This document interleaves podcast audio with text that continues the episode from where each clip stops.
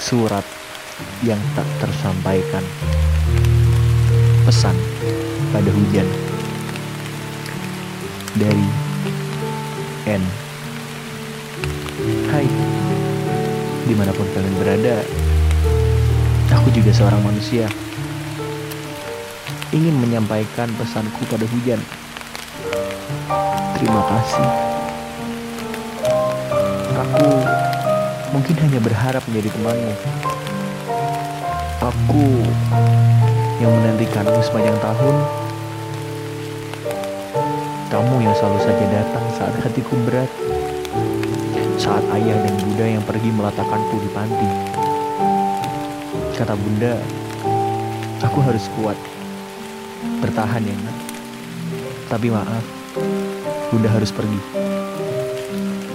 Hujan, setiap kali kamu datang dengan rintik airmu yang selalu saja mengingatkanku pada Tuhan. Tuhan, bagaimana nasibku? Apa perlu aku terlahir? Apa aku punya tujuan? Apakah aku ada harapan? Selalu saja begitu.